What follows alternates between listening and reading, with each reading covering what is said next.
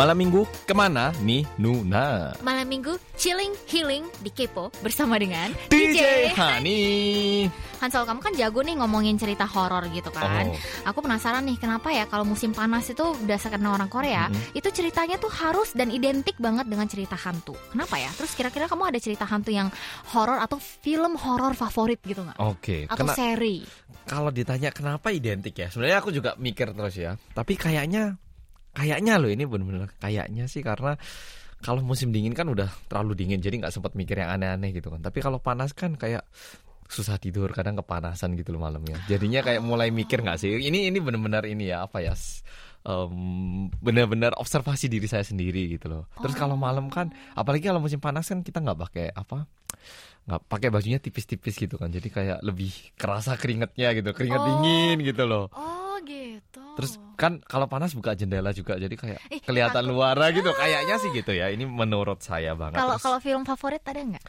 Film favorit horor sebenarnya saya nggak suka nonton horor jujur karena Tapi tapi kontennya bikinnya yang horor. ya betul gitu. sekali karena gini kalau nonton horor itu langsung satu minggu ke depan itu aktivitas saya terganggu ya nyuci muka harus sebelah dulu terus sebelahnya buka mata baru sebelahnya lagi cuci muka gitu jadi kalau film horor saya nggak terlalu suka Caki suka sih Caki yang itu yang Buat Caki, oh Caki aku nggak, eh Caki aku suka sih. ya Aku tapi- hampir beli bonekanya loh, cause I thought it was really cool. Iya. Tapi kalau ada cerita horor ada sih ini. Jadi um, Oh my oh 깜짝이야. Oh, sh- oh, oh 깜짝이야. Vidi, Vidi, Vidi, Oh, 깜짝이야. Tiba-tiba di barusan di, di, di apa di pintu kita yang bisa kelihatan Oh, gitu kaget ya? kacanya, rambutnya diginiin dong Oh, guys, terus- oh, dikedepanin. kaget. Oh. Aduh gila kaget Oh banget. kaget ya. Oh Kalau my God. cerita horor sih, ini aku pernah denger di TV. Kak Sani mungkin pernah denger. Jadi katanya di Ero di de- Jerman di mana itu ada tunnel, tahu tunnel kan? ya?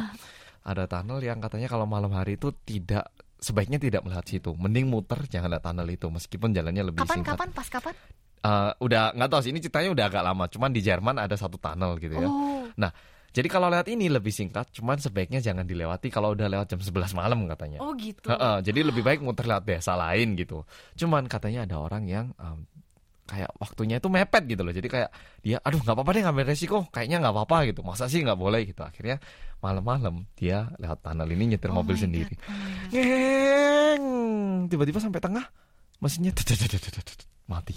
Serius. Habis itu lampu tunnelnya juga Oh mati. Tahu kan kalau tunnel kan lampu semua. Lampunya mati, mesinnya juga mati semua. Nah, udah nggak kelihatan apa-apa. Terdengar suara kayak kayak, kayak ada tangan-tangan yang meraba mobilnya Oh gitu. my god. Nah, dia kan takut. Udah ketakutan dia merem. Kayak ya berdoa mungkin ya. Habis gitu dia melek lagi. Lampunya udah mulai nyala. Lampu-lampu tunnel nyala.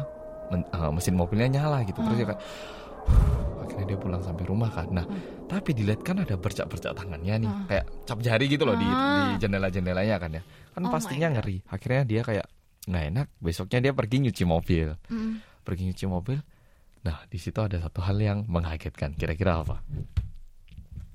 Bisa dibayangkan nggak apa? Nyuci mobil ada yang Jadi dia nggak mau nyuci sendiri, dibawa ke tempat cuci mobil. Nah, terus sama orang yang nyuci itu bilang satu kalimat yang bikin yang punya ini lebih kaget lagi. ah nggak tahu nggak tahu nggak tahu. Jadi Aku kan tahu. kan dicuci dari luar kan ya. Setelah dilap yang nyuci bilang loh, Pak, ini cap jarinya bukan dari luar, Dari dalam. dari dalam. Jadi ternyata ada cap jari itu semua dari dalam. Artinya apa? Hantunya ada di dalam kan gitu sih. Oh my god, gue udah pingsan sih. Itu Kalau kalau saya langsung saya jual mobilnya, itu saya jual langsung. Harga satu juta dulu. saya jual dulu pokoknya. pingsan dulu baru jual gitu ya. Itu Ya. parah banget. Berarti dari dalam hantunya tuh udah ada gitu dong. Oh my god, Jadi teman-teman. bisa saja ah, sekarang lagi dirangkul gitu. ya. Aduh, saya stres banget. Oke, sebentar. Eh, sebentar.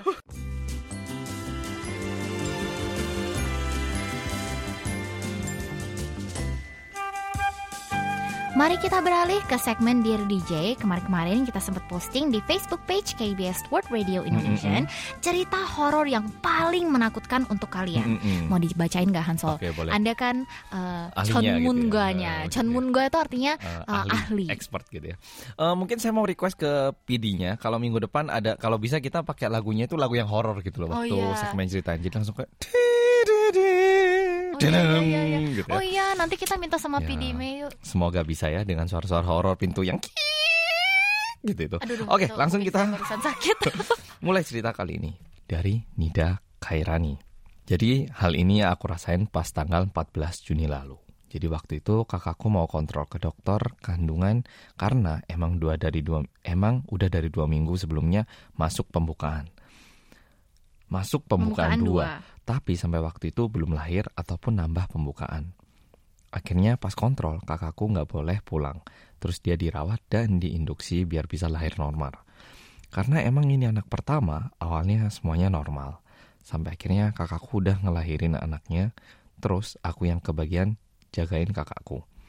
Eh, nggak lama aku ketiduran karena emang itu posisinya jam 3 pagi.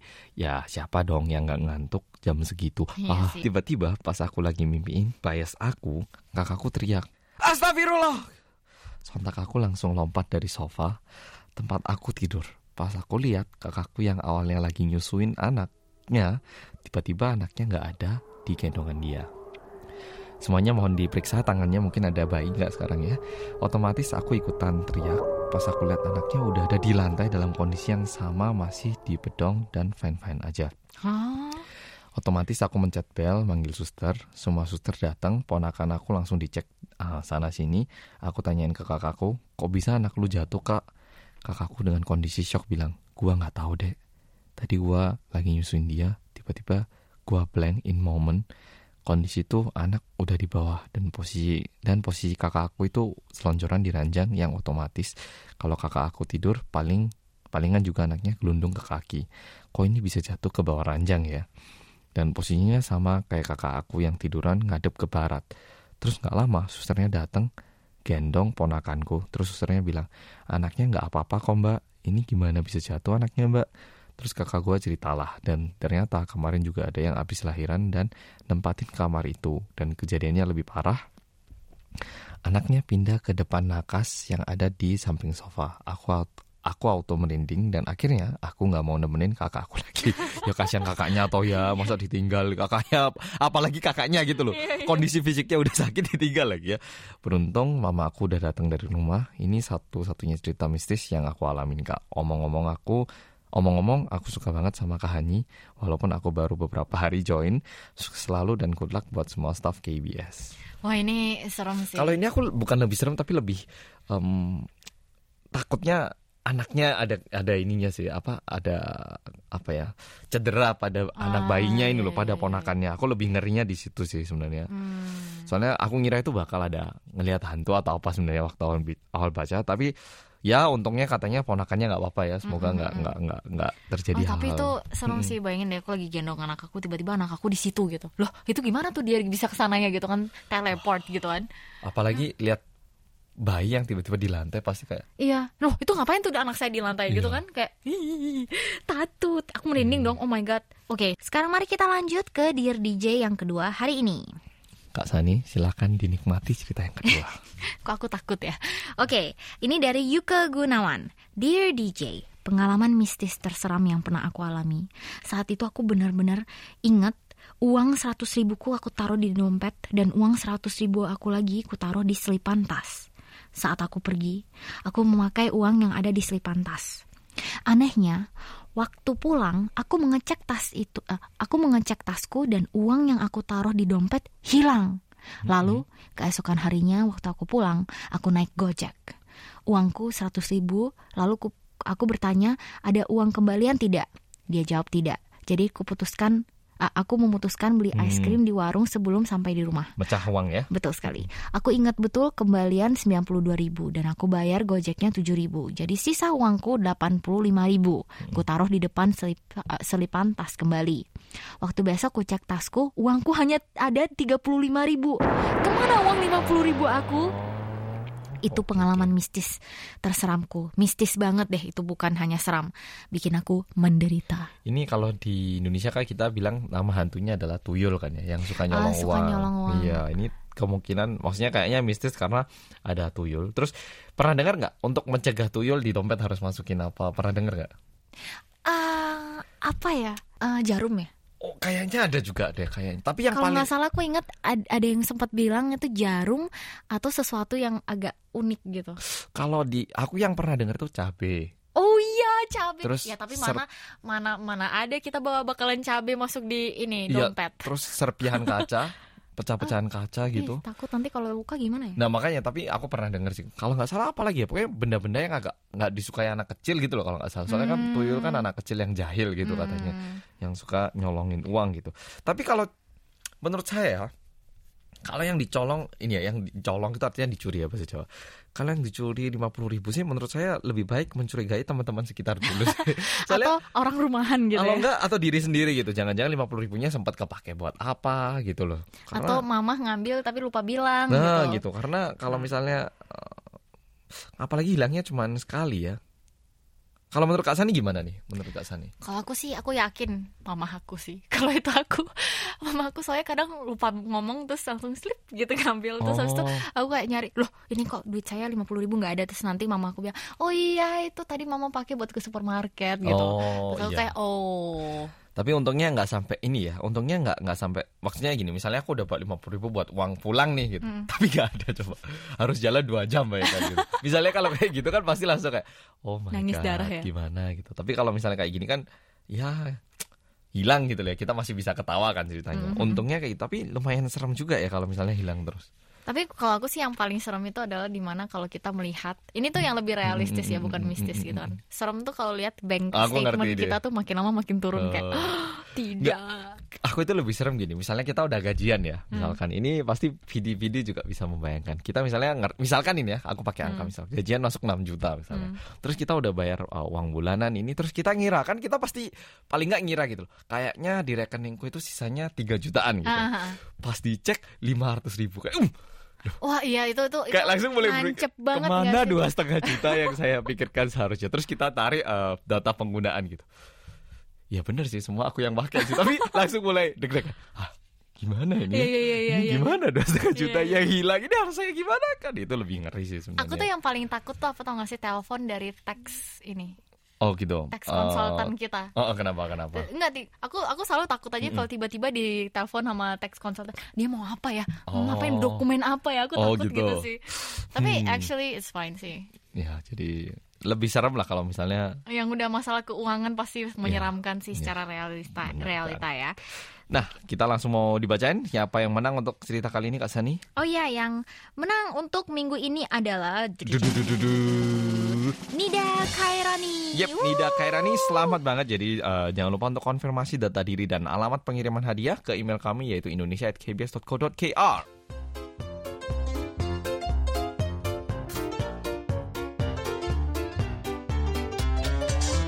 Sekarang mari kita masuk ke segmen teka-teki. Nah, ini adalah segmen yang harus didengerin dari awal sampai akhir. Benar, jadi harus didengerin setiap minggu. Jadi nanti pertanyaan untuk teka-teki minggu depan akan kita bacakan dalam program Kepo minggu ini. Dan kita post lagi di Facebook page KBS World Indonesia Service. Namun pertanyaannya itu eh, cukup mendadak banget. Jadi kita bakal ngasih kuis dengan tema yang random dan bisa aja nggak ada hubungannya dengan Kipo siaran minggu ini. Betul sekali, jadi kalian harus siap kita tantang dalam segmen teka-teki minggu ini ya. BTW Mm-mm. cara pengiriman jawabannya gimana ya Hanso? Cara pengiriman hadiahnya demi mencegah mencegah adanya menyontek eh, jawabannya harus di-emailin ke kita yaitu ke indonesia@kbs.co.kr. Betul sekali, gampang ya caranya teman-teman pendengar Kepoers. Sangat amat ramad gampang. Kalau gitu langsung kita mulai dengan membacakan pertanyaan minggu ini. Kira-kira para pendengar Kipo masih ingat atau tidak ya? Apa lagu soundtrack kehidupannya DJ Honey? Oke, kalau gitu langsung kita bacain uh, jawaban pertama dari Ida Kusuma. Halo DJ Honey, kalau di Sunny soundtracknya adalah lagu Cross Beautiful. Ini karena Kak Sani beautiful atau karena Kak Sani suka gongyu ya. Kalau Kak Hansol lagu kalau Kak Hansol lagu solo karena Jenny biasnya Kak Hansol. Oke, itu pertama dari Ida Kusuma. Aduh, bener nggak ya jawabannya Ida? Sebelum- Makanya itu. Sebelumnya kita bacain dulu satu lagi yang dari Tiara H. Soundtrack lagu kehidupan DJ Sunny yaitu Red Velvet Sunny Afternoon lalu diputerin di oh yang lalu diputerin di Kepo Em, terus habis itu DJ Hansol yang lagunya solo dari Jenny Blackpink. Semoga jawabanku terpilih katanya. Iya betul sekali. Oke mari kita eh, pilih pemenangnya yang jawab paling benar. dong dong dong dong dong dong dong dong dong dong dong dong dong dong gitu ya. Ida Kusuma. Yeay! Ya, Ida Kusuma, eh, selamat sudah memenangkan hadiah kali ini. Biar bisa kita kirimkan hadiahnya, jangan lupa konfirmasi alamat pengiriman hadiahnya ke email kami, yaitu indonesia@kbs.co.kr. Dan teka-teki untuk Kepo tanggal 27 Juli. Setiap hari apa siaran episode terbaru Kepo on air setiap minggunya? Kayaknya hari Rabu kan ya. Ya nggak tahu ya, nggak tahu ya.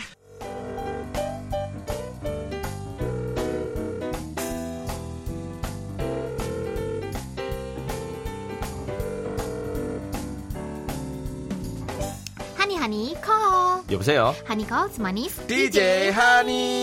Ini nih segmen gokil parah Salah satu segmen Aduh saya hari ini rada ini ya Ngomongnya kepleset-kepleset gitu ya Salah satu segmen super kece yaitu Honey Call Untuk hari ini kita ada request dari Yulida Fajeriati tanggal 16 Juli katanya adalah ulang tahunnya dan ah, adalah ulang tahunnya Yulida dan pengen banget ditelepon sama DJ Hani. Pengen ditelepon ah, kita berdua katanya bisa senang kalau misalnya kita bisa telepon kayak gitu. Itu sebagai hadiah ulang tahunnya gitu. Nah, jadi untuk mengabulkan hadiah kali ini kita bakal menelepon Yulida. Yuk, langsung kita telepon Sekarang juga. Halo. 생일 축하합니다 생일 축하합니다 사랑하는 유리다 생일 축하합니다 와우! 하니 하니 건 컬 여보세요. 하니 컬 스마니스 DJ Hani. Halo Yulida, selamat ulang tahun. Meski udah lewat ya. Iya. Iya, makasih ucapannya. Aduh, seneng banget. Suaranya ini ya kayak kita bisa merasakan kayak lagi Bahagia happy banget gitu loh. ya. Happy banget ya kita jadi Iya. senang. Seneng banget. Waduh. Apa kabar Yulida? Alhamdulillah baik. Tidak Baik. gimana kabarnya? Oh kita juga baik banget Iya. bisa uh, nyanyi-nyanyi ulang bisa tahun ya benar-benar bisa bikin uh, harinya Yulida jadi lebih cerah ya hari ini kita juga bahagia banget. Iya, seneng. Hihi. Uh, lagi sibuk apa nih Yulida? Cerita-cerita dong dikit sama Um. kita biar kita juga bisa kenal lebih dekat. Betul. Ah, ya sekarang ini lagi kerja sih. Oh lagi Ah, kerja. kerja. Waduh maaf ya. Eh, Iya. BTW ini ulang tahun Iya, keberapa nggak ya Yulida? Oh, kasih tahu nggak ya? Oh, Atau karena lagi aja, kerja kan ya. Masih masih ada yang lebih sebenarnya saya paling tua deh. Kayaknya Kak Sani kayaknya bisa jadi di bawahku atau di Ah, atasku tebak satu deh. detik. Coba ditebak. Hmm, Kak Sani aja deh yang nembak. pokoknya pasti lebih muda dari aku sih. Loh, kalau Kak Sani Eh. kan nggak deh. Tuh kan, aku saya, aku saya selalu dijailin sama si Hansel dibilang aku tuh nenek-nenek tahu. Enggak, enggak, saya nggak pernah bilang gitu, Kak. Saya nggak pernah. Canda. Em, Iya, Mas Hansel nembaknya berapa? Aduh. aduh, ini nih Hansel nih paling nggak bisa jawab kalau kayak gini. Bentar ya, saya kumpulkan energi penebak ini ya. Hmm, Oke, usia Yulida, em, saya bisa melihat ya, saya bisa membau. Waduh, usia Yulida di ulang tahun kali ini Mm-mm. adalah 20 20. 4 tahun. 24 tahun.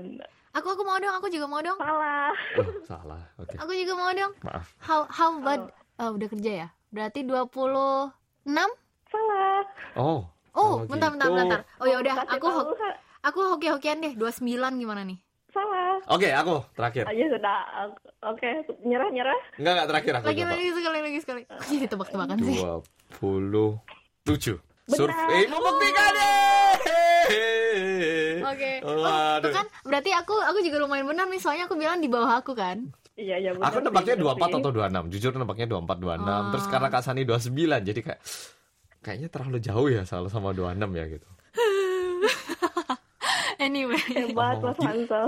Kira-kira eh, rencana apa? Di ulang tahun yang kali ini pengennya apa sih? Harapan-harapan di usia 27 kali ini apa kalau mau dibagikan? Oh gini, Mm-mm. aku kan sekarang kan kerja posisinya. Mm-mm. Rencana untuk tahun ini dan tahun depan sih aku pengennya kan mau lanjut kuliah lagi. Sekarang Oh. kan aku cuman eh, D3 ya. Oh, belum, ha, ha, ya, ha. belum sarjana Mm-mm. ya. Rencana sih eh, setelah ini kan kerja nih lumayan lah dapat uangnya gitu mau lanjutin ke sarjana gitu untuk tahun ini sama tahun depan. Hmm. Doain ya. Amin amin aku Iya, aminin deh pokoknya biar uh, bisa ini ya melanjutkan ke uh, pendidikan lebih tinggi studinya ya. lagi. Memang sih ya kalau kita kerja amin. pengennya belajar gitu ya. Betul, betul, Heeh, betul. Tapi biasanya itu bisa memotivasi lagi soalnya kita ngerti seberapa em, sebenarnya asiknya belajar gitu loh. Mm-mm, Itu kayaknya bagus banget. Aku juga doain biar bisa cepat lulus, eh, bisa menikmati prosesnya yang penting daripada nilainya kalau aku bilang. Mm-mm.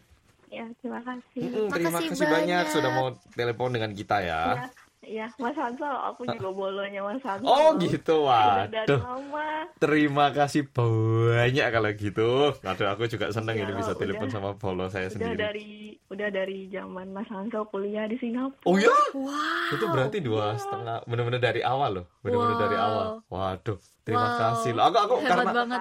Karena ini ya bolo-bolo yang seperti Yulida inilah saya Kak Yulida inilah aku bisa di tempat ini kayak apa ya waktu channel kecil kan susah banget ya mencari Iya. dukungan tapi waduh aku benar-benar berterima kasih loh sudah mau mendukung saya dari dulu.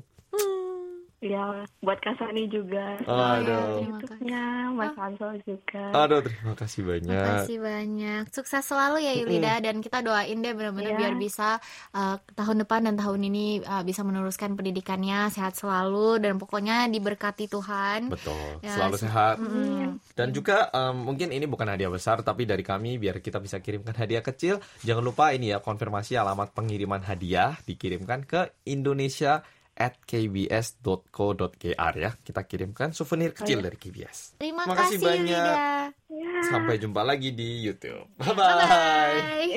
Bye bye. Terima kasih.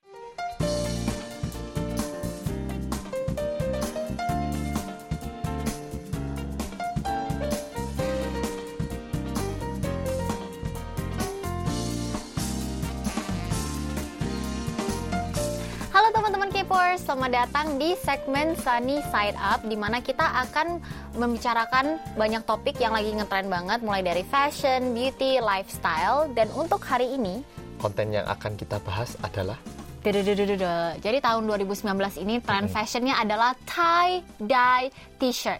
apa itu tie? Aku jujur nggak tahu apa itu tie dye nggak tahu. Tie dye ini adalah ini eh, kamu eh, sering ke Bali kan? Pernah ke Ya Bali? pernah, ya lumayan sering deh dibanding Pernah- normalnya orang. Pernah lihat ini nggak kaos barong yang kayak ada warna-warninya gitu? Yang tengahnya ada barong terus warnanya kayak ada cipratan. Iya, yang men- menyebar Iya, itu, menyebar gitu, yang ada bunder-bun- warna-warni. yang agak bunder-bunder gitu. Ah, pernah, pernah? pernah. Itu adalah tie dye. Tie dye. Iya itu. Jadi tie dye ini maksudnya kayak kita ikat, terus habis itu kita masukin uh, pewarna. Makanya tie Oh, dye. Diwarnai dengan cara diikat gitu iya. ya. Oh. Kamu pernah nggak waktu SD ikut eksperimen atau apa uh, kayak di kelas kayak keterampilan gitu, terus disuruh bawa t-shirt putih, terus bawa pewarna beberapa sama batu, terus nanti diikat gitu. Pernah nggak? Nggak, kalau sekolahku dulu kita nyablon kalau nggak salah. Jadi kita pakai cetakan dicek-cek gitu. Oh. Tapi kalau itu nggak pernah. Kalau aku tie dye dulu.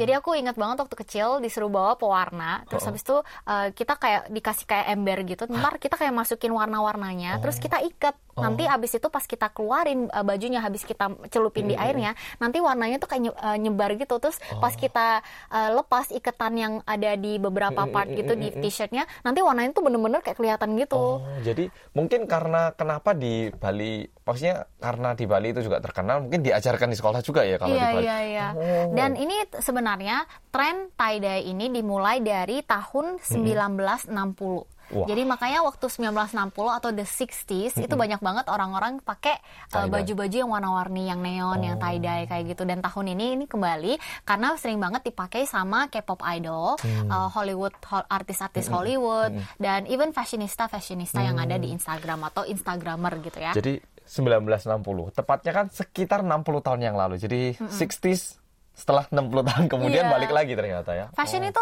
basically seperti kayak Muter ini ya. uh, muter gitu kan, kayak di recycle terus kan. Jadi kayak apa yang sempat ada terus habis itu di recycle dibikin lagi yang Lebih lebih, baru lagi, tapi lebih- lebih upgrade Mm-mm, dan segala macam dan tie dye ini menurut aku asik banget karena uh, warnanya tuh kan sangat warna-warni. Jadi sebenarnya daripada kita beli baju yang sudah di tie dye, maksudnya sudah diwarnai uh, menurut aku jauh lebih low cost karena kita bisa bikin sendiri di rumah Oh. gitu. Jadi kalian bisa cari tutorialnya di YouTube atau di mana, uh, tapi sangat simpel kok. Jadi uh, kalian bisa coba di rumah sendiri dan uh, alasan kenapa aku ingin membawa topik hari ini karena sangat low cost banget gitu. Jadi bisa dicoba di rumah, bisa kita ikutin Beli, trennya dan sangat gampang untuk di mix and match karena uh, baju-baju tie dye ini kan karena warna-warni bisa di mix and match dengan jeans atau rok putih atau um, celana kayak yang high waist jeans yang pendek karena kan summer nih, Hmm, musim oh, panas kan. paham, jadi karena paham. Panas, jadi di mix and match dengan celana pendek warna eh, warna jeans pun cantik gitu, manis gitu. Oh, seperti itu. Mm. Iya Dan ya, untuk cowok-cowok juga bisa dipakai gitu, karena tie dye ini nggak cuma trennya tuh di cewek, tapi di cowok juga gitu. betul, Jadi betul. banyak cowok-cowok daripada mencari yang warna-warni banget yang kayak cewek, banyak banget tie dye yang sekarang keluar yang warna lebih gelap. Oh, gitu. Jadi bisa dipakai untuk sehari-hari juga ada yang uh, campuran navy sama black atau apa gitu. Oh, Jadi nggak kelihatannya tuh yang kuning gitu Hmm, enggak ya? Jadi yang lebih maskulin juga gitu. Oh, Menurut ya. kamu gimana? Kalau misal maksudnya soalnya dye yang pernah aku lihat itu aku belum lihat yang yang Hmm. benar maksud yang navy hitam gitu. Tapi kalau yang ada di dalam out kepala aku ini kan yang kuning, merah, merah muda, biru Biru, gitu kan. gitu kan. Jadi agak sedikit em, em, gimana ya susah mix and match. Tapi memang benar sih sebenarnya warna apa pun kalau sama jeans lumayan bagus. Tapi kalau memang warnanya yang lebih modern ini diwarnai dengan konsep atau cara metode tie dye kayaknya bakal apa ya kesannya itu nuansa-nuansa yang baru gitu yang belum kita lihat jadi bakal lumayan bagus sih dan mix, mix and matchnya nggak bakal terlalu susah kalau warnanya nggak terlalu norak sebenarnya Nah, benar banget, benar banget. Dan tie dye ini uh, benar-benar sering banget dipakai sekarang nggak cuma sama K-pop idol wanita, tapi juga sering banget sama uh, sering banget dipakai sama K-pop idol uh, Laki-laki. cowok juga Hmm. gitu, laki-laki gitu. Jadi uh, sangat unisex dan uh, bisa dicoba di rumah. Jadi teman-teman jangan lupa untuk dicobain. Uh, Ya, that's all untuk konten Sunny Side Up hari ini. Gimana teman-teman asik nggak? Kita bakalan coba untuk membawa konten yang lebih asik untuk minggu depan. Betul. Dan that's all untuk konten hari ini. And we'll see you guys next time.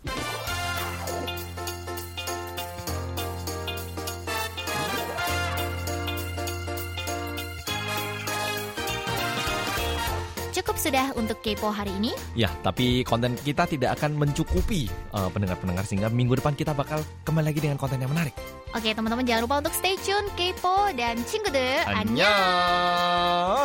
Annyeong